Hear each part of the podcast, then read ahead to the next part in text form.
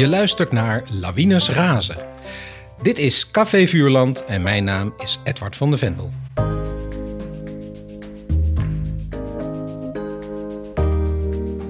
In deze podcast herlees ik klassieke kinderboeken met auteurs van nu. Hoe vers voelen de boeken nog? Wat voor auteur was er aan het werk? Dat en meer bespreek ik vandaag met schrijvers Mirjam Oldenhaven en Kevin Hassing. En wij lazen voor deze aflevering de Gouden Griffel van 1971, Het malle ding van Bobistiek van Leonie Koiker.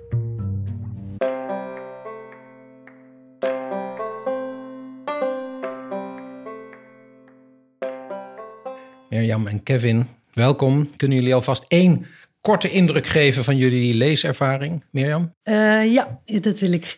Ik was om te beginnen min of meer verbijsterd door de slordige stijl. Ik vond het heel slordig geschreven.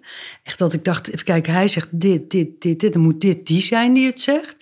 En ik vond het heel naïef geschreven zelfs. Ja. En pas toen ik hem uit had, dacht ik... Want ik had hem vroeger. Ja, ja nee, komen we zo maar op. Ja, kort, ja. kort. Maar toen ik hem uit had, dacht ik... Ik kan niet uitleggen waarom, maar het was een goed boek. Ja. Maar ik vond het, als ik het heel bot zeg, vond ik het slecht geschreven. Oeh, nou, ja. gaan we straks echt nog wat uitgebreider horen. Kevin, jouw eerste korte reactie? Ik vond het fantasierijk, maar terugkomend op je introductie, verre van vers. Hmm. Dus echt, zoals het speel zelf hard en oud wordt, waar het boek over gaat, vond ik dat ook met de tekst. Oké, nou dat belooft. Ik ben benieuwd wat, uh, wat we straks allemaal uitgebreid gaan zeggen. Ik uh, introduceer nog even het boek. Het boek gaat dus over vier kinderen uit één gezin en dan met name over de broers Bobby en Albert. Op een dag is Bobby weer eens aan het knutselen. Iets wat hij graag doet. Hij wil eigenlijk uitvinder worden. En uh, liefst wil hij eigenlijk verdwijnpasta uitvinden. Maar als hij allerlei goedjes door elkaar mengt, dan komt er een soort zelfhardend spul uit. Dat noemen ze dan Bobbystiek. Naar hem, naar Bobby. Daar bouwen ze een klein vliegmachientje van in de vorm van een ei en maken er dan heel veel brokken en avontuur en ook wat vluchten mee. Nou ja, het boek lijkt, als je dat zo hoort, als je de titel hoort, misschien op een fantasyboek, maar alles blijft juist heel dicht bij huis en gaat ook over de onderlinge verhouding tussen de broertjes en vooral eigenlijk gaat het over spelen.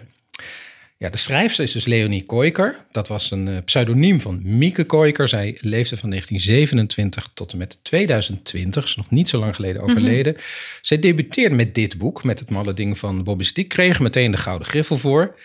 Wat natuurlijk een zegen is als je voor je eerste boek zo'n prijs krijgt. Maar misschien heeft het ook wel een beetje als een vloek ervaren. Want uh, ze bleef haar hele leven schrijven en heeft na meer dan 60 boeken nooit meer een andere prijs gekregen. Het is hierbij gebleven. Toch getuigen ook die latere boeken eigenlijk wel van haar uh, vrijgevochtenheid. Ze was niet iemand van de nette rijtjeshuizen. Uh, in, uh, ze werd heel veel geïnterviewd toen ze die Gouden Griffel kreeg. En daar hmm. vertelde ze dat ze in Papendrecht woonde als vrouw van de dokter. En dan zei ze, en dit is een quote... maar ik val toch een beetje uit het normale patroon. Vroeger woonde hier een echte mevrouw, die van de vorige dokter... maar nu woont er een mens dat zelf haar stoep staat te schrobben in een spijkerbroek. en haar hobby's waren, nou, komt ie hè... pottenbakken, kantklossen, verven, metselen, feesten, koken, cactussen kweken en parachutespringen. Oh, dat herken ik wel van haar, eh, wat ze allemaal aanbrengt. Ja. ja. Ja, maar dan weten we dus eigenlijk over wie het gaat. Ja, hmm. ja Mirjam, eh, jou kennen we als eh, schrijfster van heel veel boeken over kinderen van nu. Dat zou je toch kunnen zeggen, waarin je humor en warmte combineert. Je bent natuurlijk het meest bekend van je Mees Kees-reeks, die een grote vlucht heeft genomen met verfilmingen en een tv-serie. Maar je laatste twee boeken zijn De Scootmobiele Eenheid, bij Querido verschenen over een groepje kinderen dat in een park moet werken omdat ze zoveel gespijbeld hebben. En je hebt onlangs, dat is nog maar afgelopen week, een bronzen griffel gewonnen voor hmm. Boutje van de Rommelberg bij Ploegsma verschenen. Net als trouwens vroeger uh, dit boek uh, van Leonie Koiker. En dat gaat dan over een jongetje dat met zijn vader bij een soort schroothoop woont. Of een rommelhoop. De vader wordt onterecht gearresteerd en Boutje gaat proberen om met allerlei vrienden, zowel mensen als dieren, zijn vader vrij te krijgen. Nou, zeg ik een mhm. beetje kort. Um, ja, je was streng al voor Leonie. Ja, ja. Ja, maar eerst even die, je verhouding tot dit boek. Want je, toen, toen ik jou vroeg, toen zei je...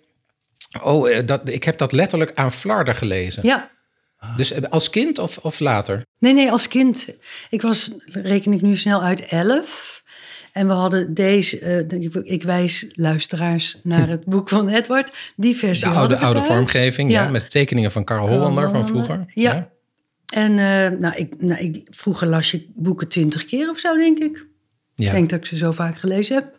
Dus Ja. het was een lievelingsboek van je als kind. Eh, ik, ik las heel veel sowieso. Dus het 20 zijn nog niet heel veel. Maar eh, ik was er heel gek op, ja. kan je dat nog terughalen? Waarom je als kind er dan zo gek op was?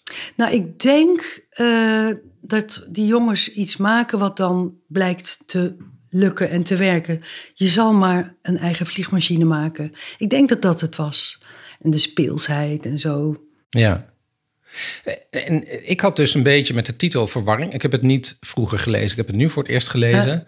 Net als jij, Kevin, denk ik. Hè? Ja. Maar ehm, ik dacht eigenlijk dat het een soort eh, ja, verzinsel, een fantasieboek zou worden. Maar het is dus helemaal niet, toch? Het is heel, heel klein eigenlijk. Ja, ja. Dat vind, ik, het- dat vind ik het hele leuke. Alles kan. Je kan net toevallig die ene combinatie vinden met cola en stopverf, zou ik maar zeggen. Het kan. Ja, dat is niet wat ze in het boek gebruikt, maar eh, wie weet. Ja, Ja, ja. Ja. Want eh, overigens, eh, zij schreef het min, min of meer over haar eigen kinderen. Dat is, eh, ja, die heette ook geloof ik zo. Oh, Ja, ja, ja. ja. En ze had dus ook een hele wilde tuin achter in de tuin van die pastorie. Nou ja. ja. Ja, maar goed, ik, we, we gaan zo naar jouw strenge oordeel. Ja. Ehm, maar nog even toch, vond je nog iets van die, ja, die blijkbare lol die je als kind had om dit te lezen nu terug? Eh, nee. Nee. Nee, dat vond ik heel jammer. Want ik dacht, want ik, ik ben een beetje zuur geworden sinds ik zelf schrijfjuf ben en zelf schrijf. Echt? Ja, Vind je minder ik- dingen goed? Ja, ja, ben ik veel strenger Echt geworden. Denk oh, hier had je meer uit kunnen halen. Oh ja? jammer van dit perspectief. Heel, ja, echt Raak jammer. je nog wel eh, betoverd door verhalen? Of is dat ook Ja, maar hoor, ik kan ook nog wel denken, wauw. En dan vergeet ik helemaal Al die dat ik überhaupt een rode pen heb. Ja. ja dat kan ik ook e- absoluut nog hebben. Maar Ja, ik heb Dan veel... moet het wel echt goed zijn. Ja, ja. Anders ja. gebeurt het niet. Misschien, of waarschijnlijk is dit, het malle ding van Bobby Stiek, ook echt goed hoor. Maar ik had heel veel commentaar en kritiek. Zeur, zeur, zeur. Nee, Ja. ja, we gaan het allemaal langs. Eh, eh, Kevin, we hebben nu je stem gehoord, dus ik wil jou ook even introduceren. Je bent een acteur en stemacteur, maar je bent hier omdat je ook kinderboekenschrijver bent, nog niet zo heel erg lang. Maar je bent wel behoorlijk denderend de kinderliteratuur binnengekomen met de eerste twee delen van je serie. De serie heet Mus en Kapitein Kwaadbaard. En eh, het eerste deel heette Mus en Kapitein Kwaadbaard en de Vijf Slangen. En daarna verscheen Mus en Kapitein Kwaadbaard en de Koers naar de Kraken. En dat kreeg afgelopen voorjaar, ook nog niet zo lang geleden, de prijs van de Nederlandse kinderjury. Dat Ja. is nogal een eh, binnenkomer, geweldig, een enorme Ja. prestatie. Je schreef ook een, eh, ja, een herwerking slash vertaling van het verhaal van Zorro. Ja. En deel drie van je serie, Mus en Kapitein Kwaadbaard. En de Amorfe is aangekondigd. Zeg ik het zo goed? Aangekondigd en inmiddels eh, zo goed als af. Dus hij komt in september uit en eh, net voor de kinderboekenweek. We zijn de laatste puntjes op de i aan het zetten, letterlijk en figuurlijk. Ja. Vind je dat Nou, dan... Niet letterlijk, denk ik. Want Nee. Nee. nee, want die, je bent goed in puntjes de i'tjes zijn allemaal wel gepunt, maar eh, er wordt nog even goed naar gekeken. En Linde Vaas is momenteel aan het eh, illustreren. Die maakt een aantal binnenplaten. Oh, leuk. En dat is- zijn gewoon cadeautjes om in je e-mailbox te krijgen. Dan ben ik als een kind voor kerstmis zo blij. eh, dat is prachtig wat ze maakt. Dus dat is een beetje nu waar we zitten. Ja, spannend. Ja, En dan, ja, dan heb ik je gevraagd om een boek te lezen, Ja. lang voordat je geboren werd. Ja. ja. Ja, dus niet zo vers gebleven, zei jij net. Nee, ik, ik, ik vind het heel moeilijk om... Eigenlijk vond ik het bloedsaai. En ehm, dat, Waar zit hem dat in? dat, dat zit hem in het element wat ik zelf probeer... Wat ik heb geleerd op de toneelschool, maar nu ook een beetje probeer te leren met schrijven, is dat alles een functie moet hebben. Eh, elk woord bijna moet een functie hebben. Het moet ergens toe dienen. En nadat ze dat ding hebben uitgevonden, ontstaat er een soort fase waarin er heel veel dingen gebeuren die geen functie hebben. Niet echt. Er worden op een gegeven moment muizen gekocht, komen niet meer terug. Eh, er, is een heel verhaal over een lege tank die op allerlei manieren gevuld moet worden. De noodzaak verdwijnt uit het verhaal, waar dat in het begin nog wel was, vond ik. Uitvinden, die testvlucht maakte, super spannend. Maar zodra de noodzaak verdwijnt uit een verhaal, maakt niet uit wat voor verhaal, of het nou iets is wat je acteert of wat je schrijft, dan verlies je bij mij de spanning. En dan maakt het me eigenlijk niet meer uit hoe het afloopt. Als Nee. er geen noodzaak is voor de personages, vind ik het moeilijk om als lezer die wel te voelen. Nee, en je ziet dus, als ik het zo hoor, niet zoveel van het, het goud van de gouden griffel erin terug. Ik vraag me af waarom. Ik vraag me echt af waar, waarom. En ik vraag me ook af, ben ik wel nieuwsgierig naar, omdat je dus heel veel kritiek hebt, maar het uiteindelijk een goed boek vond. Ben ik razend benieuwd waarom dat in zit. En ik denk dat dus de slordigheid, of in mijn geval het kritiek, de het gebrek aan noodzaak eh, ondergeschikt waren uiteindelijk aan het verhaal. En daardoor dus de prijs heeft gewonnen. Want ik denk dat het, het mooie vond ik wel de, de combinatie tussen fantasie en werkelijkheid. Uh, ik vond het wel een fantasieboek. Ik denk dat dat gewoon heel erg aangesproken heeft tot een grote groep kinderen, zoals jij toen. Maar ook blijkbaar mensen die er verstand van hadden en die prijzen uitreikten. Maar dan nog ben ik nieuwsgierig. Zou ik het juryrapport heel graag willen lezen? Zou ik willen weten wat, ze, wat er zo getroffen werd door, door het verhaal. Ik ben wel echt benieuwd naar. Nou, uh, wel bijzonder is dat in dat jaar de concurrent voor de Gouden Griffel was Minous van G. Schmid. Echt ja, waar? dat had maar zilver, ja. Oh. ja. Dus dit boek is door, toch door de jury toen verkozen boven Ja, Minous. ja, ja. Ja, en ook Zwerftocht met Corilu. Dat was het eerste boek van Thea Beckman, dat Ja. ook zilver. Wauw. Ja. Dus ik dat zag wel in recensies, en daarom denk ik ook dat het een gedateerde eh, prijs is. Eh, heb je ongetwijfeld ook gelezen, speelsheid Hmm. en ruimte. En het gaat over spelen. Dat vond ik ook, daarom vond ik het ook een goed boek hoor. Die jochies worden gewoon losgelaten. Ja. Als zelfs, alsof zelfs die schrijfster denkt, nou heel veel plezier. En mama gaat gewoon binnen Ja. ook een boek lezen, Ja. weet je wel? Ja. Dus er is geen strakke lijn en geen... Dat moet het geweest zijn. Maar ik ben het helemaal met jou eens. Die, die oom, je hoopt dat die oom Ja. zo heel boos is... en dat ze die oom Ja, te pakken... dan moeten we even uitleggen. Er is een Oh, oom. ja. Het gaat dus, ze hebben een, een goedje uitgevonden. Daar bouwen ze een soort ei van het ei kan vliegen. Dat is het ding van Bobby Stiek, waar de, de titel op wijst. En vervolgens willen ze daar nog meer mee. En ja, die, er is dan een oom. Dat is, ja, het is niet een echte oom, geloof ik. Het is volgens mij een vriend, van de familie. Die van alcohol houdt. Dat staat er trouwens ergens in een paar bijzinnetjes ook. Hij houdt van flessen en daar zit een geest in, ge- geest in. Denken de kinderen dan. Het is heel erg vanuit de kinderen dat ook geschreven. Dat is een grapje van de schrijfster. En eh, ja, ze hopen dat die het misschien nog weer verder kan brengen. En die brengt ze ook in contact met een aantal eh zakenlieden. Ja. Die er eerst niet in geloven en dan de formule willen stelen. Nou ja, uiteindelijk wordt dat ook maar niet zo'n heel groot avontuur. Het blijft ook, ook dat blijft vrij klein. Ja. Ja. En voor mij is het enige fantasie-element is eigenlijk gewoon het spul zelf. Ja. Maar, maar ehm, ik moet nog even, even zeggen wat ik ook las. eh, en dat, ging, dat was een interview met, met Leonie Kooiker zelf. Dat ging over haar schrijfstijl. Dat ze hier heel veel versies van had gemaakt. Ze had het eerst voor Kriskras. Dat was een bekend kindertijdschrift gemaakt. Een veel kortere versie. Ik denk dus alleen maar de beginversie. Ah. En toen moest er een boek van komen. Dus het is wat uitgebreid. Oh. Net als, dat vind ik kloppen met als je het leest, Kevin. Ja. Wat jij ook zei, in het begin gaat het ergens naartoe. Hè? En, Ja. en dan denk je, oké, nu, nu komt Ja. het avontuur. Ze gaan Ja. vliegen. En als ze vliegen, komen ze op allerlei, ja, weet ik veel, nieuwe avonturen. Beton, ja. En dat gebeurt niet. Oh, maar dat hoor je heel erg terug. Volgens mij heeft zij gewoon woorden geteld. Ja. En dat ze dacht, nou weet je, ik gooi er een klein mannetje in. Ja. En, nou, en je denkt, dat mannetje, wat is dat mannetje? Zoet, mannetje Ja. weg. Ja. Dus Precies. zij- ze heeft gewoon woorden Dat geteld. zou kunnen, ja. Ja. En ze heeft, nou, ik denk dat ze ook wel vrij dicht bij de eigen belevenissen van haar kinderen is gebleven. Ze schreef Ja, ook ja, over het schrijfproces dat ze eh, eerst in een vorige versie zelf er veel meer in zat als moeder. Ah. Dus nou Mm. ja, en dat zat de boel in de weg, dus dat heeft ze eruit geschreven.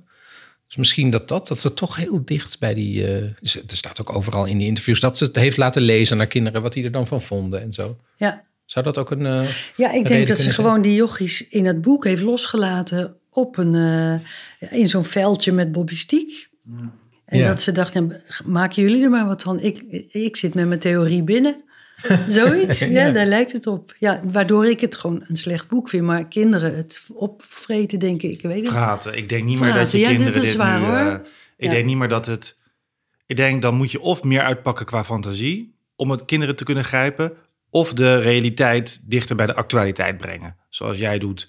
Dus de kinderen met problemen van nu... Het zijn geen kinderen met problemen van nu. want Het is ook Nee. 50 jaar oud. Dat is logisch. Maar de fantasie is daarvoor niet te groot en te meeslepend genoeg. Nee. Dus dan mist het op beide fronten, denk ik, nu zijn aantrekkingskracht. Ik vroeg me wel af, omdat je zegt dat element spelen was zo, heeft ze zo eh, goed vormgegeven. Was dat in dan het jaar waarin zij debuteerde een nieuw geluid? Was dat dan wa- waardoor ze in de picture kwam? Van, oh ja, zou dat kunnen dat dat... ik denk eh, het zeker. Nou, het is gewoon de hippie-tijd. Ja, Ja, Voor mij is ja. het een heel erg hippie boek ook. Oh, ja, ja. en er zitten ook echt Annie Schmid zinnetjes in. Hè? Grote mensen zijn vervelend, zegt ze letterlijk. Nou, dan moet je nou, denk ik, ja, dat weten die kinderen nou ook wel. Maar toen was het wel revolutionair, denk Ja. ik. Ja. Ze heeft ook echt Annie Schmid-achtige zinnetjes erin. Hmm. Niet geplagieerd, maar dat waren gewoon... Nee, want eh, dat was ongeveer dezelfde tijd. Hè? Ja. Dus, eh, Ja, En, en eh Guus Kuijer debuteerde twee jaar later of drie jaar later Ja. met zijn Madelief liefdesboeken. En Ja. die, die stijl zie je natuurlijk ook. Het is ook duidelijk familie toch wel. Hmm. Ja, Maar ja. veel minder strak natuurlijk. vrijgevochten vrouwen. Dus eh, dat zal nieuw zijn geweest. Ja. ja. En dan kan je zeggen, en het is haar eerste boek. En eh, het spreekt in die zin tot de verbeelding. Dus dan, ja, dat moet beloond worden. Dat kan je zo, zo kan je dan denken. Dus ja, ja. als het gaat om die prijs. Maar goed. En ik heb het echt hoor, en eh, mijn zus en broer ook, echt nou, heel veel gelezen. Dus het Mhm. moet iets gehad Ja. hebben. Je bent Ja. met die kinderen op dat veldje zonder ouders. denk ik. Precies, maar het zegt wel wat dat het... Ik heb het idee dat het nu niet meer gelezen wordt, dit boek. Nou, dat is gek. Het is dus gewoon nog in druk. Wel? Ja, ja, ja. Oké. ja. Dus Ja, want het is een lijster, hè? Een nou, ja, juniorlijster. toevallig ja. hebben wij een, een exemplaar, jullie dan, van, van, van een, een andere uitgave, een, een, eh, een paperback uitgave. Maar het is ook nog gewoon verkrijgbaar. Ja. Dat is best bijzonder, toch? Ja, Toch, Mirjam, zei je in je introductie van uiteindelijk, toen je het uit had, was je toch milder.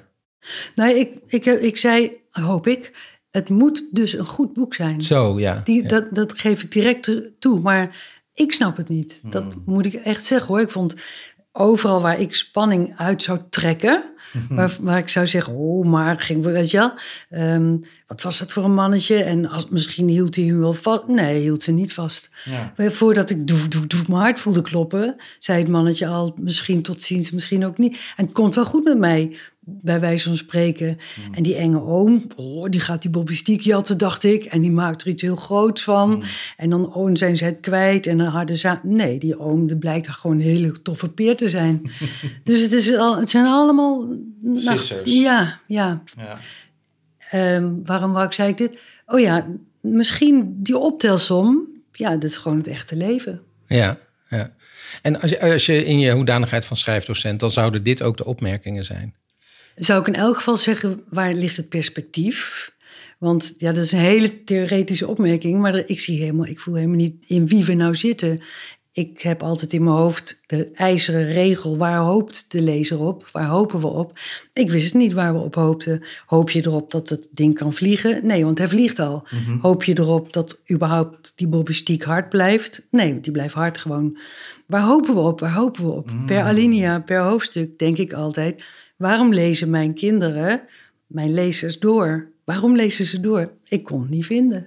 Want alles gaat wel goed of alles gaat niet goed, maar dan is het niet erg. Nou, dat zou ik als schrijfjuf, zou dat mijn rode pen zijn. Hmm. Waar hopen we op? Maar had je niet dat, dat, dat hoop en dat streven, dat dat eerder in kleine dingen zat, in episodes? Ik had meer het idee dat het soort. Het is niet één rond verhaal waarbij je een, een, een, een, spannend aangezet eh, iets hebt waar je een berg over gaat en op het eind staan we daar. Maar het zijn.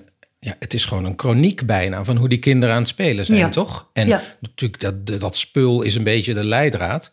Maar inderdaad, soms gaat het over ja, dat, dat er muisjes belangrijker zijn Ja. die hij gekocht heeft en die ze even gaan begraven. Ja. Dus ik had het van, ja, we zijn in een soort, ja, we zijn een tijdje bij dit gezin.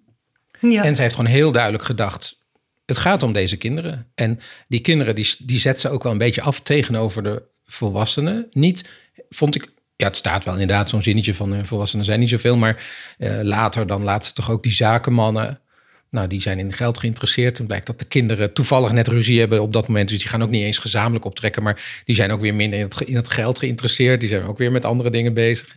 Ik vond het eigenlijk wel, ja, dat contrast tussen, tussen kinderenwereld en volwassenwereld vond ik wel grappig gedaan. En Misschien vind ik het dan jammer dat het een klein mannetje is en een, en een, en een vliegmachine die ze maken. Klein mannetje, moet, er- dat is, die- ze Oh, ja. komen ergens op een eilandje, of een soort plekje met hoge bomen komen ze. Een, ja, wat, dat mannetje inderdaad een raar, ja, een soort verdwaasd mannetje die daar in een, in een hutje woont en die Ja. eigenlijk de taal niet spreekt. Dat is wel een beetje een gek element, want daar komen we nooit achter waarom die ook niet die taal spreekt. Nee. Ja, hij kan ook st- stom dronken zijn. Maar dan is die al de hele tijd, want ja, maar ja, uh, I've been sommige there. mensen zijn dat. I've been there, done that. Oké. Ja. En dan sprak, je- sprak, je, sprak je toen Was ook ik als niet te verstaan. Assenboeze, dat Nou is ja, als je het boeze. een beetje uitvergroot, wel natuurlijk. Hmm. Dat zoiets zou kunnen. Oh, ja, ja, ja. Maar goed, dat is ook maar interpretatie van een volwassene. Kinderen zullen dat nooit denken. Nee. Dus dat is weer een fantasie eh, eh, wezen, toch? Dat mannetje, dat is een soort... Ja, Ja. of niet. Ik Half, weet niet. ja, je ik. weet ja, het dat niet. is niet duidelijk. Nee. Nee. nee. Maar ja, dan. Het kan hoor, wat jij zegt dat het een chroniek is. Ja, je hebt de Daltons, hè, vijf Ja. broers of zo. Dan zijn het trouwens wel, is wel opvallende keuze. Tegen de meisjes. Hè? Want het is volkomen een jongensboek. Ja, dat zusje mag niet, Nee. die, die zeurt niet eens. Nee, is, het, het- er zijn drie eh, broers en dan nog een klein zusje. En die heeft echt ook nauwelijks een rol. En in het begin zeggen die jongens ook zelfs... nou, met kleine zusjes, daar heb je helemaal niks aan. Ja. Ze is dik ook, zeggen ze volgens mij. Ja. Dik mollig zusje. En Dat is daarmee wordt ze ook letterlijk afgeschreven. Nou, ze mag wel nog de, de- het ei of de vliegmachine Dopen. kan ze dopen. Maar Ja. met een fles, eh, Ja. nou wat is het? Sinaas of zo, limonade. ik, dan die ze gooit ze- tegenaan oh, nee, ze gooit niet mis. Nee, dat, dat gaat goed. Ja, maar dat had ik dan gedaan. Maar ik dacht, oh, dit, daar later komt natuurlijk dan... Ja, heeft dat meisje opeens een hoofdrol. Maar dat was niet zo. Dat, eh, dat kwam niet terug. Nee. Nee, Laten we het ook even over de stijl hebben. De stijl, jij vond het meer slordig. Ja, heel Wat, wat, wat is het slordige dan? Eh, nou, ik vind dat, je, dat er toch wel basisregels zijn waar je aan moet houden. Zoals een sprong in de tijd, dan moet er een witregel tussen. Dus er staat gewoon aan één stuk door, maar de volgende dag hadden ze... Nou, dat vind ik een witregel, om maar wat te noemen. Eh, heel veel dialoog zonder eh, zij, Ja. die jongen. Dus ik heb echt teruggeteld. Ik heb heel lang gedacht, drie broers. Mhm, Dus ik dacht, broer 1, broer 2, dit is Bobby weer, broer 1, broer 2. Dus dit is Bobby, maar het waren maar, ze zijn met z'n tweeën. Ja. Nou, Dat vind ik heel slordig. Ja. En een vrij naïeve stijl. Ja, ik heb dingen opgeschreven, maar dat is nou niet zo interessant. Maar ik vond ook naïef dat ze een beetje heen en weer babbelen. Zonder dat het draagt. Ja, ik- Oh ja. misschien... Maar dat vond ik juist eigenlijk wel de charme er soms Ja? van. Ja, nou ja, dat komt doordat ik, ik heb het denk ik dan toch anders gelezen dan jullie. Omdat ik het helemaal niet zoals een eh, plotboek heb gelezen. Maar ja, ik, ik vond het al- ik vond wel heel geloofwaardig hoe die jongens praten met elkaar. Kevin, wat vond jij? Voor 50 jaar geleden, ongetwijfeld. Alleen, ik denk de hele tijd, met wat ik nu lees, toch ook aan, zou dit nog aanspreken of zo? Want eh, iets beoordelen van 50 jaar geleden, ja, dat, dat doe je omdat je kijkt of het nog relevant is, toch? Op een of andere manier. En dat vind ik het gewoon niet meer. Dus hoe de jongens praten, eh, hoe het geschreven is, wat je zegt. Het voelt voor mij alsof de auteurs gaan zitten en gewoon dit heeft gedaan. Ik doe nu type Type. voor. Ja, Ja, ja. ram, ram, ram, ram, ram, ram, ram, dam. Zo voelt het. Gedachtensprongen, dingen die je als auteur best mag hebben, denk ik. Alleen, wat heeft de lezer daaraan? Weet je, als het niet voor spanning zorgt of voor eh, vragen, vragen oproept. En daardoor denk ik, ja, dan, eh, dan ben je gewoon dus maar aan het typen. En dan gaat het verhaal heus wel een kant op, want dat gebeurt dan vanzelf. Maar ik heb niet het idee dat Leonie wist welke kant het op ging. Ik zou zo benieuwd zijn. Ik zou zo graag een kind willen horen. Van, Ja. de- Ja, nou ja, ik kan niet de kinderen eh, helemaal eh, de, de- hun stem zijn. Maar ik vond sommige stukjes toch echt wel heel erg leuk. Bijvoorbeeld dit. Het, het kleine zusje Annelietje mocht het ei dopen, dat met vlaggetjes was versierd. Ze klom op een stoeltje en zei duidelijk... ei, ik doop u en wens u een behouden vlucht. Toen slingerde ze het flesje limonade met zoveel kracht tegen het ei... dat ze bijna van haar stoeltje viel. De jongens hadden gezegd dat ze het niet in één keer stuk zou kunnen gooien, maar het sprong in duizend scherven uit elkaar en de priklimonade spoelde bruisend over de gladde grijze wand van het ei. Annelietje stapte gauw van het stoeltje af en terwijl alle anderen hard op hun toeter bliezen, likte ze het ei af. Dat is toch grappig? Oh, ja, ja, ja, ja, ja. Ik heb, mag ik ook een stukje geestige dialoog lezen? Ja. Die, eh, oh, want anders doe ik haar echt tekort als ik alleen maar maar, maar, maar, maar, doe. Ehm, Wat zou hij toch doen? Dat gaat over het kleine mannetje. Ja, het gaat over het kleine mannetje. Wat zou hij toch doen? Je weet niet wie wat zegt. Bessen plukken, dat zei ik toch al? Hij leeft van wilde bessen. Maar het zijn eikenbosjes. Nou, dan plukt hij eikels. Die kun je niet eten, jongen. Heb jij wel eens een eikel geproefd? Nee, ik er niet. Nou, ik er wel. Ze zijn vreselijk vies. Ja, maar jij vindt andijvie ook vies en spruitjes. Maar niet zo vies als eikels. Proef er maar een. Ik ben geen gek oud mannetje. Sst, hij kijkt naar ons. Nou, dat vind ik heel grappig. Ja, Ja, ja. Toegegeven. Oké, gelukkig. Nou, En er zit een heel mooi personage in met, die veel meer kleur heeft dan die drie jongens bij elkaar, naar mijn gevoel. Ze zijn toch allemaal vrij grijs. Flip komt op een gegeven moment voor, dat is een beetje een handelaartje. En die praat in één stuk door. Een beetje wat... eh, oh ja. Ja, een beetje aan- hosselaartje. Ja, 14, hosselaar, 15 jaar. Ja, eh, maar met een energie die gewoon niet stopt. Dus, en, en dat is een hele alinea aan één stuk door. En dat hoorde ik en zag ik. En dan moest ik om lachen. Dacht ik, ah, daar zit heel veel kleur in, in Ja. het personage. Dat miste ik misschien bij de jongens een beetje. Gewoon Die waren harde kleuren. hè? Ja, exact. Oké, Want jij zei, sorry, Ja? in het begin, het gaat om de verhouding tussen die jongens. Nou, die heb ik gemist hoor. ja, ja. Er was, kibbelen af en toe. En dat is het dan, toch? En hadden ze ruzie en dan zagen ze elkaar even niet. Maar dan was het de volgende dag toch wel. En ik snap, zo werkt dat met Zo broertjes. dat, ja, nee, ja. I know, want ik heb twee broertjes en ik, ik herken dat helemaal. Je vergeeft elkaar gelijk, maar je kan ook met elkaar vreselijk op de vuist. Alleen, als dat niet iets dient weer uiteindelijk, een ontwikkeling of een, of een, nou ja, een ontwikkeling in het verhaal, dan, dan denk ik, ja, maar waar zit ik naar gekibbeld te, te, te luisteren of te lezen? En dan denk ik, ja, dat vind ik dan niet interessant of zo. Nee, Nee. en geen machtsverhouding en geen, geen codes of geen karakter. eh, Nee, nee. Laten we ook een beetje naar hoe, hoe jullie eh, schrijven. Eh, Kevin, jouw boeken zijn natuurlijk anders. Het zijn fantasieboeken. Maar ja, je deed net dat gebaar van gewoon maar typen. En dat, dat, eh, dat- daar verdacht je Leonie Kooiker een beetje van. Is dat dan bij jou veel gestructureerder? Maak je plannen van tevoren, plotlijstjes? Bij dit eerste deel heb ik een, eh, op een gigantisch papier een hele lijn uitgetekend. Met de, wat je net omschreef, we gaan de berg op en de berg af en het is goed gekomen. Dus de, vanuit dynamiek vanuit theater of film denkend. Dus we beginnen ergens, we hebben een exposé, we gaan ergens naartoe. En zo eindigt het. Zo heb ik deel 1 eigenlijk opgezet, omdat ik structuur nodig had. Want alles was al nieuw voor mij. Dus het enige wat ik wel kon voorbereiden was een bepaald kader. Dat heb ik met deel 2 helemaal losgelaten.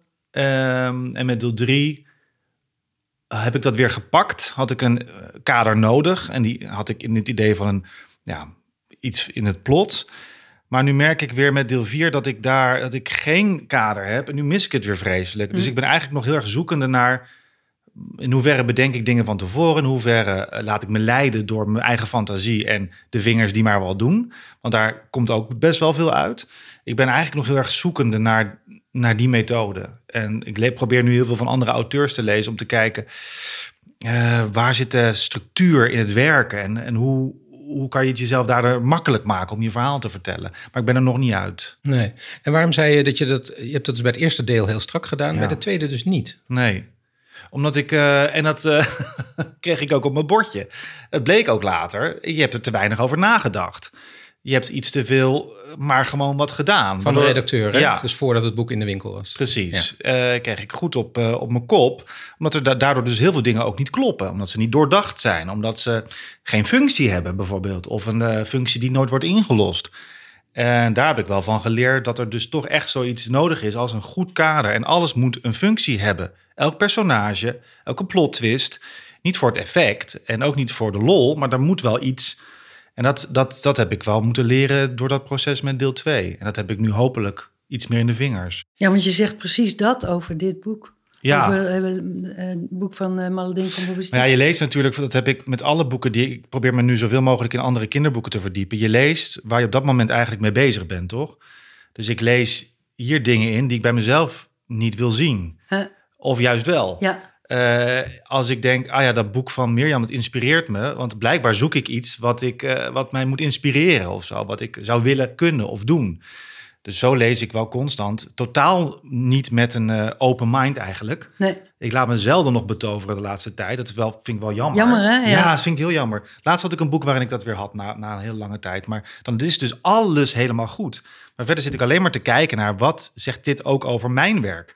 En wat kan ik beter en wat, wat doe ik al misschien goed. Dus zo, maar dat is niet antwoord op je vraag, maar zo lees ik nu de hele tijd. Ja, nee, dat is vermoeiend. Maar Het lezen is onderdeel van je schrijven. ja, Dus, ja. ja. Ja. gaat hand in hand, denk ik, die Ja. twee dingen. Ja. Meer bij, bij een boek zoals De Scootmobiele Eenheid. Wat gaat over. De hoofdpersoon is Luca, een meisje. Maar het gaat eigenlijk over meerdere kinderen. hè? Het is een Ja. groepje. Hoe voorkom je dan dat het slordig wordt, zoals jij dat bij Malle Ding ziet? Dus dat je niet begrijpt wie er aan het woord bijvoorbeeld. Dat zou ik bijna kunnen uitbesteden om het heel oneerbiedig te zeggen. Dus ik schrijf een dialoog en dan ga ik terug naar de eerste regel en denk ik, ik hier ben ik al begonnen met ehm, de jongen pakte, zeg maar, Dylan pakte het tafelkleed.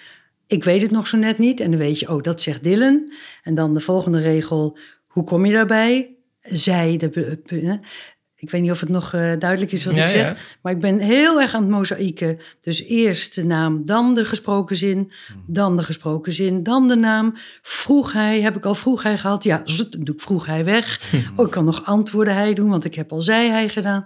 Dus het is bijna techniek met hamers en spijkers. Ja, maar zonder dat je te veel wil, wil herhalen, dan ook, begrijp ik. Ja, ja, en het moet er mooi uitzien, moet, moet lekker klinken. Ja. Dus ik schrijf hem eerst en dan ga ik heel erg polijsten.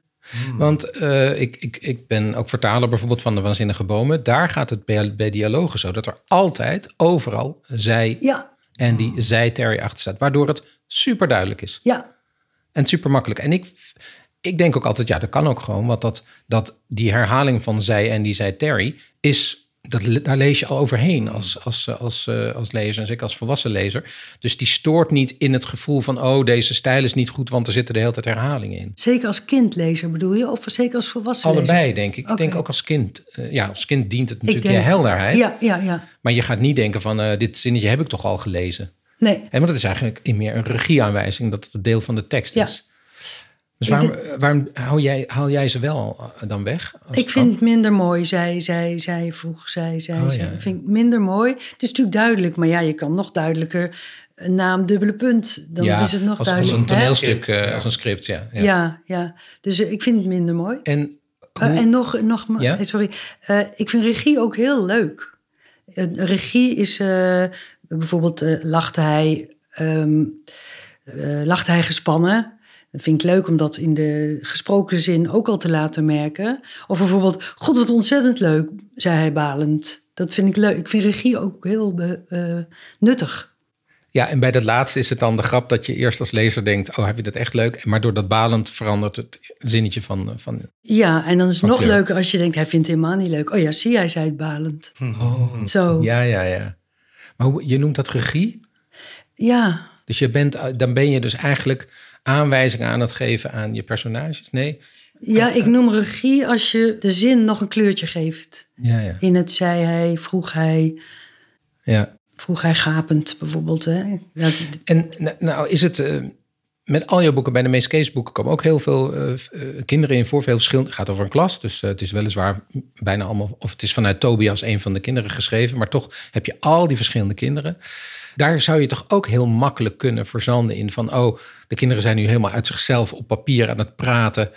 en de regie is een beetje kwijt. Ik kan me voorstellen als je aan het schrijven bent... dat dat heel lekker schrijven is, al die ja, dat is waar. En dat Ja. je dus voor je het weet, staat er gebabbel. Ja, Hoe hou je dat dan in de hand? eh, de volgende dag. Oh? Zal ik maar zeggen, ja. Denk ook, oh, dat loopt lekker. En eh, grapje hier, grapje daar, weet je wel zo. en de volgende dag denk ik, saai zeg. En ik heb van Stephen King volgens mij geleerd... eh, dat er een klein, oh ik zal het niet met mijn handen doen, want daar heeft de luisteraar niks aan. Dat er aan de rechter marge loopt er een klein balletje mee. En dat balletje is het verhaal. En dat balletje moet blijven rollen. En je mag niet babbelde, babbelde, babbelde, babbel. En het balletje staat nog bij regel 2. Dat heb ik in mijn hoofd gehouden. Ah, Dus- aan de rechtermarge van jouw Van mijn eh, van je blaadje. desktop of van je blaadje. Ja, ja. Oké. Ja, dat, Dat heb moet ik van je hem, inbeelden. en dat vind ik een heel mooi beeld. Ja. Dus het verhaal moet, het balletje dus, moet meerollen. Terwijl je zegt, mam, ja. Je hoort toch wat zeggen? Ja, het balletje staat nog steeds stil. Behalve als het spannend is. Mhm. Als je denkt, "Oh, ze durft het niet, ze durft het, dan rolt het balletje wel mee. ja. Ik vind dat dat, wel is een mooi hetzelfde beeld. weer als Ja. waar hopen we op. Ja, maar tegelijkertijd denk ik dan, ja, maar je kan toch ook soms. En dat is dan toch de dynamiek van een boek. Je kan daar eventjes los van komen. Er kan even een stukje in zijn dat dat balletje langzamer rolt. Oké, het moet blijven rollen, maar je kan toch ook een, een dialoog. Ik vind dat dat bijvoorbeeld in Bobbenstiek duidelijk zit. Wat niets met het verhaal te maken heeft. Maar we krijgen er wel meer te weten over die kinderen. We begrijpen dan beter wat voor kind het is. Maar dat is ook een rollend balletje. Oh, oké, dat, dat valt daaronder. Ja, zeker, ja. ja, ja, ja. Het hoeft niet de, en toen en toen en toen verhaal te zijn. Nee. Maar je zegt dus, terwijl je de boom beschrijft, zeg je dat het een heel bedachtzaam jongetje is. Ja, ja. Nou, dat is heel eh, poëtisch, zo, zo mooi kan ik het niet, maar be- dus als je begrijpt ik bedoel. Ja, ja. Ehm, het feit dat zij daar dus een gouden griffel voor kreeg. ehm, en daarna, daarna niet meer, nou, dat wist ze toen nog niet. Maar goed, er, er werd aan haar gevraagd: gaat schrijven makkelijker na een bekroning? Zij zei daarover: Ja, dat is eigenlijk heel mal. Maar door die bekroning heb ik opeens het gevoel dat het mag. En dan, Ja. nu komt, eigenlijk had ik het hierbij kunnen laten, maar de rest van de quote is ook heel grappig. Namelijk, dan zegt ze, eh, ik had het gevoel dat het mag, dat ik rustig die vuile kopjes in de keuken kan laten staan. Vroeger zou ik ze absoluut eerst afgewassen hebben. Dat is een soort onvrijheid die in jezelf zit. En ehm, geen man-vrouw maatschappij, dat was toen een, Ja, een belangengroep die heel erg opkwam voor de rol onder andere van, van de vrouw. Of Dolle Mina kan dat met welke actie dan ook oplossen. Zoiets moet je zelf doen. Zij zegt dus eigenlijk dat schrijven heeft mij een soort innerlijke vrijheid gegeven. Nu zijn jullie allebei op, op verschillende manieren, op verschillende momenten ook bekroond. Eh, herkennen jullie dit? Kevin, jij bent net, heb je je grote prijs gehad? Ehm,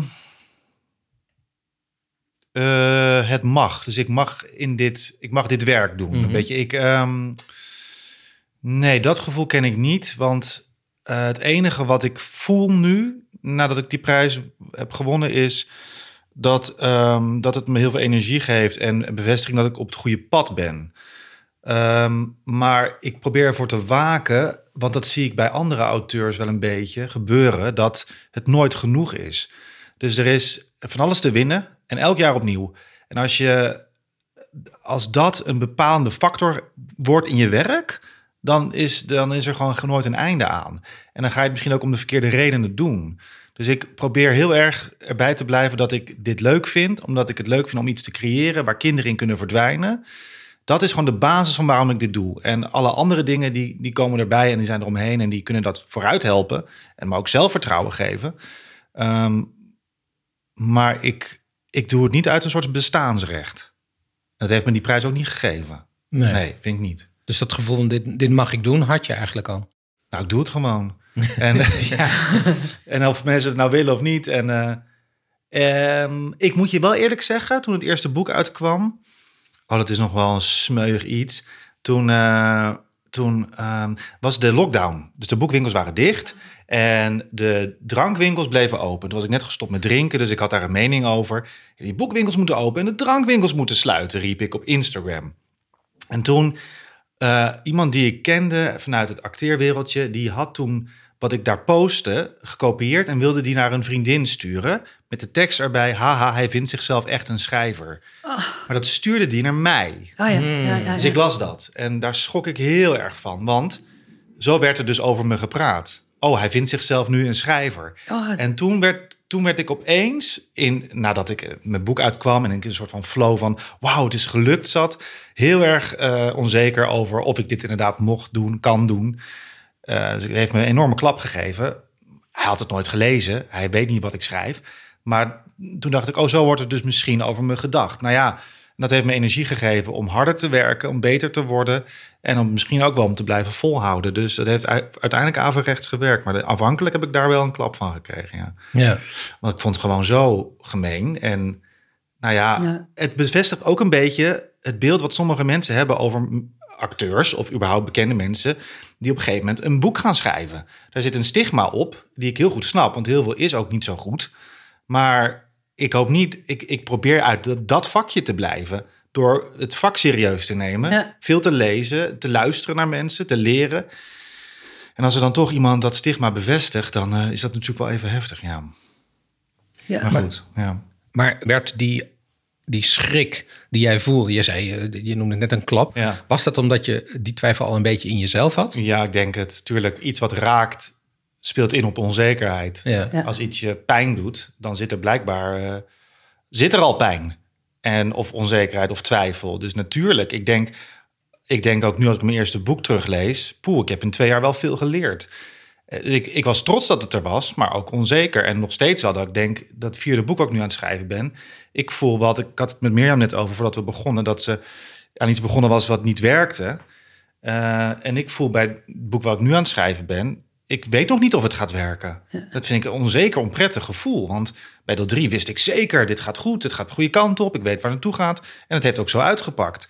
Maar nu begin ik weer opnieuw aan iets en denk ik weer, ja, misschien was dit het wel, toch? Is het, is het even nu weer leeg? De, de, de bron van inspiratie en de magie die je dan voelt of zo. Ja. Misschien is het weer weg, kan. Het is best onzeker makend natuurlijk, Zeker. toch? Ja. Ja. Herken jij dat, Edward? Of? Nou, dat hebben we de hele tijd. Nou, wat ik herken aan een beetje aan wat, wat eh, Leonie Koijker zegt, maar jij ook, is geprezen worden is maar één ding. Dat is wel leuk en ook wel, wel een soort van belangrijk. Maar het kan je net zo goed verlammen. Het kan net zo goed de andere kant op slaan. Ja. En ergens heb je ook, gek genoeg, een beetje tegenstand nodig. Tenminste, ik heb, ik denk mijn eerste boeken zijn allemaal heel erg goed ontvangen. Ja. Maar mijn allereerste boek, daar was de eerste recensie van, daar stond in, dat was wel willende recensie. En dat was over poëzie, er stond in, maar het is mooi en leuk, maar het is niet gevaarlijk. En dat snapte ik toen helemaal Oh. ja, niet. ja, ja.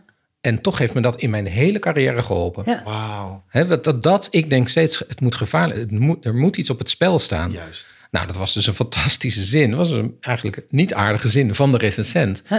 die me heel erg geholpen heeft. En zo is het wel vaker ook, ook met andere negatieve recensies, dat je toch eh, of niet begrijpt wat iemand negatief over je zegt en dan denkt, nou, dit snapt ze gewoon niet, want ik doe het zo. Of je snapt het wel, het raakt iets en je denkt, dan ga ik dat beter doen.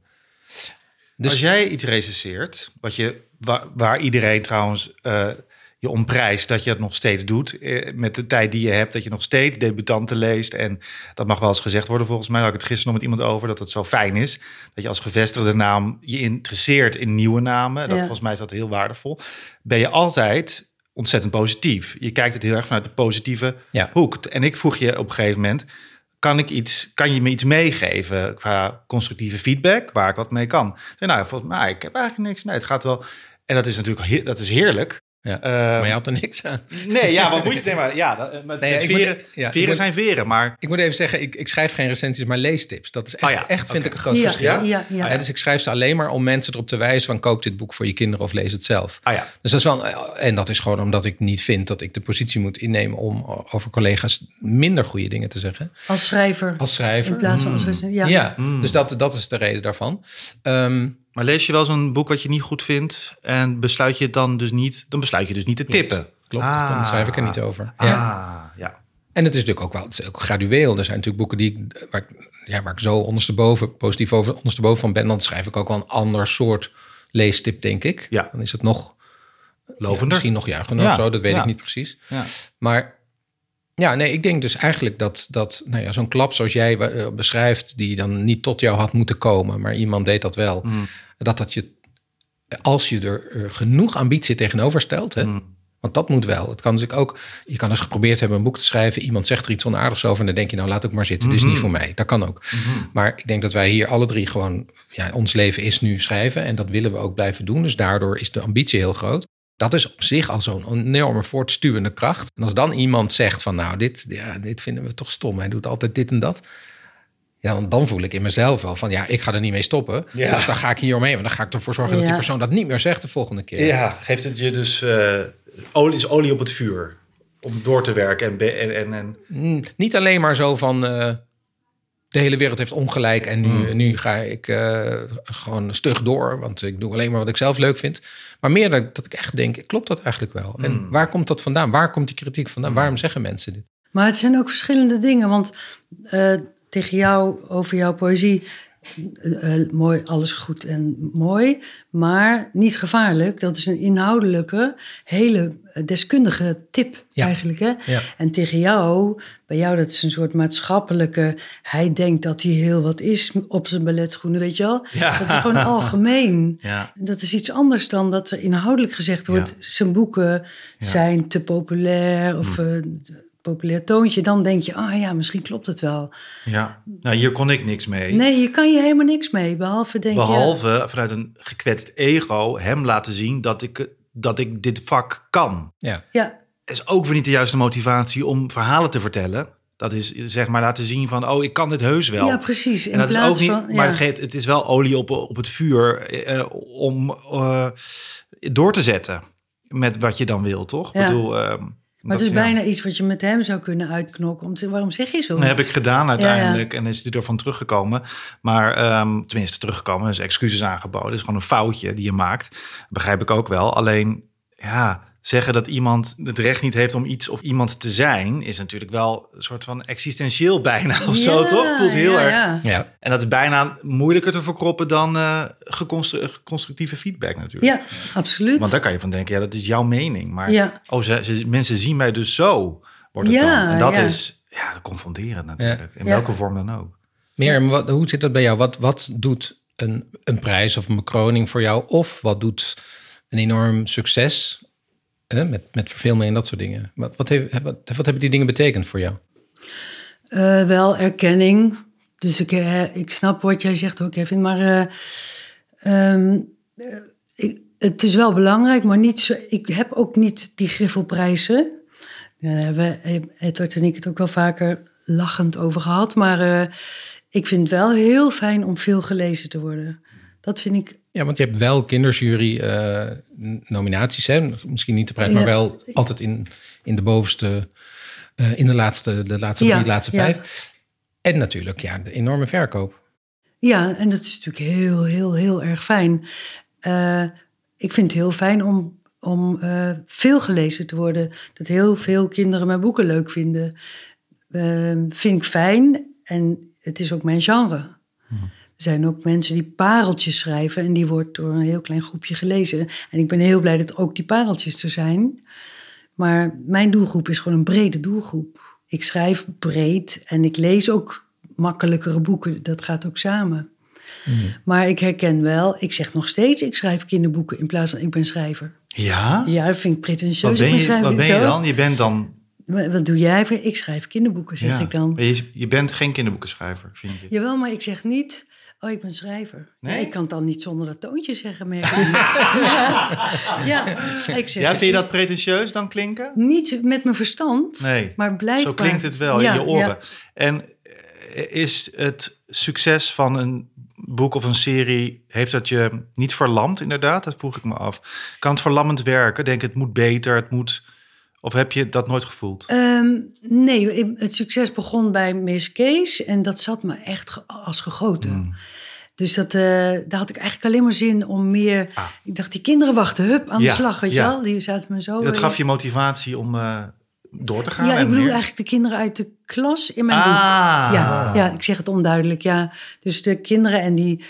Uh, ja. ik, ik had nog zoveel zin om door te gaan samen met Rick de Haas, ook de illustrator. die zei ook, die tekende ook grapjes van komt er nog wat van? Van een van die kinderen die dan met zijn vingers op tafel trommelt. Mm. dacht ik, ja, we gaan we lekker uh, aan Gaf geen druk, uh, verlammende druk dus? Geen... nee, dat had ik daar niet bij. Heb je dat überhaupt nooit gehad? Een soort, zoals ze dat dan noemen writer's block? Durf dat jawel, hoor, niet? Ja? Jawel. als je ziet wat ik weggegooid heb. Ja? Ja. Ook in de Mees Case-serie bijvoorbeeld? Ja, ja. ja Veel weggegooid ook, omdat het toch niet de kant op ging waar je...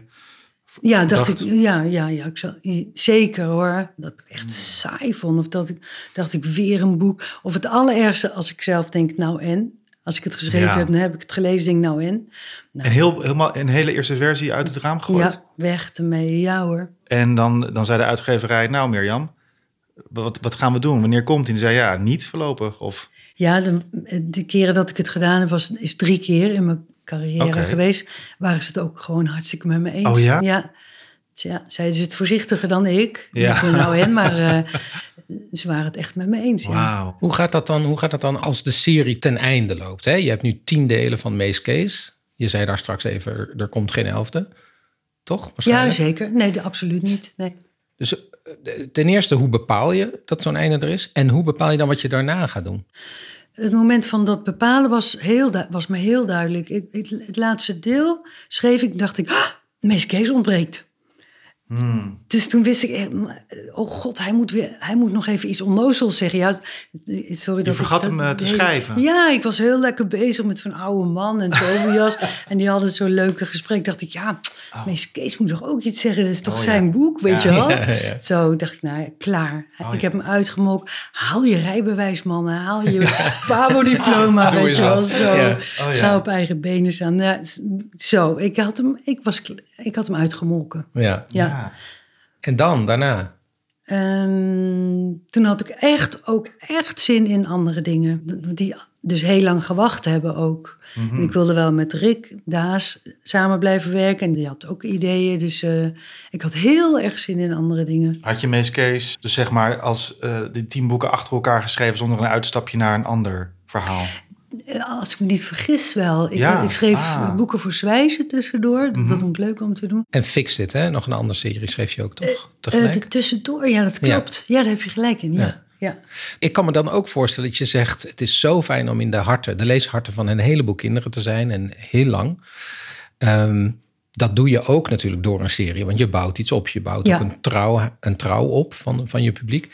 En jij hebt eigenlijk een aantal standalone, zoals ze dat noemen, dan geschreven. Dus met Boutje en Rommelberg. Nou, je hebt even gekeken of het een tweede deel zou kunnen hebben. Maar het waren niet meteen boeken, ook de Scootmobiele Eenheid niet, die zouden uitnodigen tot een serie. Nee. Is dat dan een beslissing of is dit gewoon wat er gekomen is? Nou, Boutje, ik, uh, Boutje wordt wel een deel tweede, want oh ik ben nog niet klaar ermee. Dus ik moet gewoon even nog goed, uh, goede ingang verzinnen.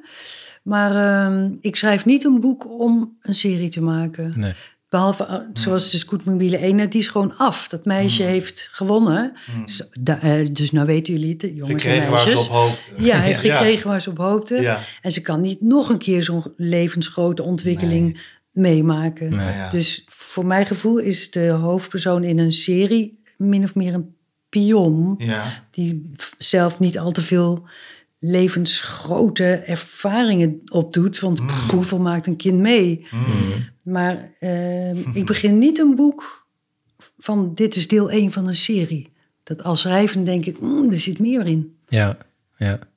En Kevin, hoe zit het bij jou? Je, je bent met de serie bezig. Je hebt... eh, Heel erg tegenovergestelde. Ja. Ik begon met het idee, dit wordt een serie. Dus, en dat was ook wel de afspraak met de uitgeverij toen ik het manuscript inleverde. Van dit, dat, dan, dan maken we een serie, dan bouwen we iets op. En dan echt vanuit die instelling. Dus zo ben ik ook aan het denken terwijl ik schrijf. Ik ben wel vooruit aan het denken. Ik weet, drie komt uit, ik weet wat er in vier gebeurt, ik weet wat er in vijf Ah. gebeurt.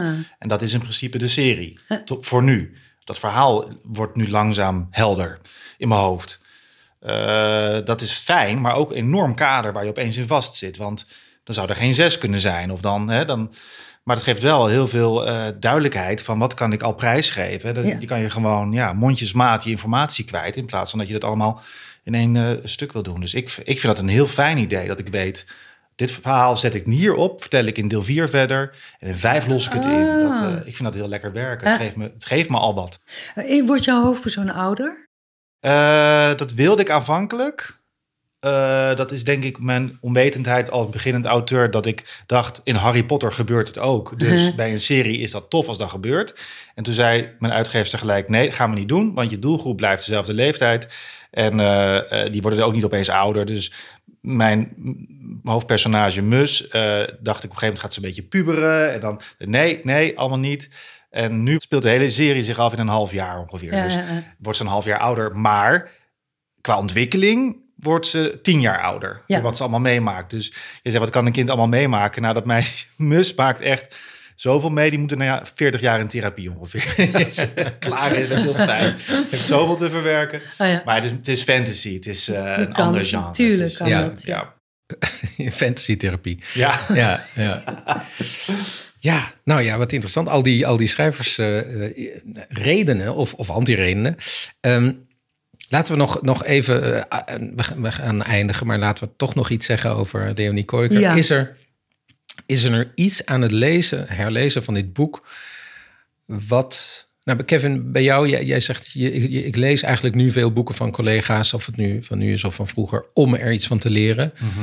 Eh, ook van boeken die je niet zo goed vindt, kun je leren. Wat, wat, wat, wat heb je hier aan gehad? Eh, twee dingen, positief en negatief. Eerst negatieve, dat het me weer deed beseffen dat noodzaak voor spanning zorgt. En spanning zorgt dat je verder wil lezen of schrijven. Dat moet ik bij mezelf niet vergeten. En het positieve wat ik ervan heb geleerd is dat fantasy en werkelijkheid heel mooi hand in hand kunnen gaan zonder dat je dat hoeft te benoemen. Het kan gewoon zo zijn dat dit gebeurt Ja. dat creëert juist weer ruimte. eh, voor mij als schrijver om te denken, nou, er gebeurt gewoon dit. Kan mij het schelen. Ja. Dus dat verruimt mijn geest. En dat heb ik hier wel eh, uitgehaald. Meer bij jou? Mag ik nog even één zin, die had ik opgeschreven. Een mooie zin. Ja. Een mooie zin, ja. En een grappige Hele zin. lelijke zin. Een heel grappige zin. Eh, een broertje die zegt, als hij een geit heeft, ja, dan heeft hij ook een vrouw om de geit te melken. Die vond ik ook al zo, voor- voor- vooral als jij zegt, het is zo'n vooruitstrevende vrouw geweest. Kijk, die, die man die gaat echt die geit niet melken. Dat is Nee. heel duidelijk, ja. Oh, dus je, je, je vindt het niet grappig van Leonie Koijker, maar Eh, grappig om nou, ik heb zei het ook als, zij had, echt wel geestige vrouw. Ja, ja, zeker. Dus het is de logica van die jongetjes. Ja. Ja. Maar goed, dat wou ik nog even, die wou ik nog even voorlezen. Eh, maar wat ik eraan gehad heb, is dat ik nog steeds, ik ben er ook nog steeds niet uit, gefascineerd ben waarom ik het dan toch zo'n spannend boek vond. Ja, dus Ja. het moet iets hebben wat ik niet Nee, onder woorden kan brengen. Het moet iets heel eh, knaps hebben. Ik denk in de richting wat jij zegt, het is een, gewoon een vertelling van die jongens op dat landje. ja. Maar ik kan het niet in theoretische woorden navertellen. Nee. Maar het moet iets hebben. Ik heb het niet gevoeld de tweede keer. Of de twaalfde keer dan. Maar vroeger wel. Ja, vroeger wel, absoluut. Ja. Ja, Het zegt ook wat over ons, of over jou in dit geval Ja. natuurlijk. ja. Dat je wat je vroeger voelde, nu niet meer voelt? Ja, Nou ja, laten we, dat, dat had, ja, hield ik er heel erg aan over. Eh, Leonie Koijker kiest radicaal voor de kinderen. Heel erg. Ik bedoel, ook als schrijfster zou je kunnen zeggen... ze had iets meer als schrijfster moeten optreden. Maar ze is gewoon achter die kinderen aan, aan, aan het rennen in dit boek. Ja. Dat vind ik de grote charme ervan. Eh, ze, ze- het gaat niet over kapitalisme. Door een van die jongetjes wordt ook, besluit ook nog om eh, geen dieren meer te eten op het eind. Het is, een, ook een, het, het is voor mij heel erg een boek in die tijd. Maar in die zin zou het nu ook nog kunnen spelen. Omdat het die jongens, daar, die volgt ze. En die is zij. Ja. Dus ik kan me voorstellen dat je vooral als je het als kind leest... die solidariteit voelt. ja, ja, ja. En Dat klopt. Dus eh, dat vind ik zowel negatief als positief. Zij durft de schrijfster gewoon binnen te laten. Ja, En aan de andere kant denk ik, hé, hey, waar is de schrijfster? ja. Dus eh, misschien is dat het wel het antwoord op, op mijn... eh, dat Wat ik het niet begrijp. ja, Ja, ja. Interessant. Dank jullie wel voor dit gesprek. Graag gedaan. jij Ja, ook. bedankt. En jij ook. Dit was Lawines Razen, een podcast van Café Vuurland. De gasten in deze aflevering waren schrijvers Mirjam Oldenhaven en Kevin Hassing. De montage was in handen van Ignaas Schoot en mijn naam is Edward van de Vendel. Je kunt alle informatie uit deze aflevering nalezen op www.vuurland.nu, dus .nu, en klik dan even door op Café Vuurland. Deze podcast werd mogelijk gemaakt door een subsidie van het Nederlands Letterenfonds in het kader van de campagne Van Maker tot Lezer. En we bedanken de erven Rutgers van der Loef en uitgeverij Ploegsma voor het mogen gebruiken van de naam Lawines Razen. Het logo is van Floor de Goede en volgende week maandag is er weer een nieuwe aflevering. Dan bespreken we hoe Mieke Mom haar maffe moeder vindt van Guus Kuijer. En de gasten zijn Annette Schaap en Gideon Samson. In de tussentijd veel herleesplezier.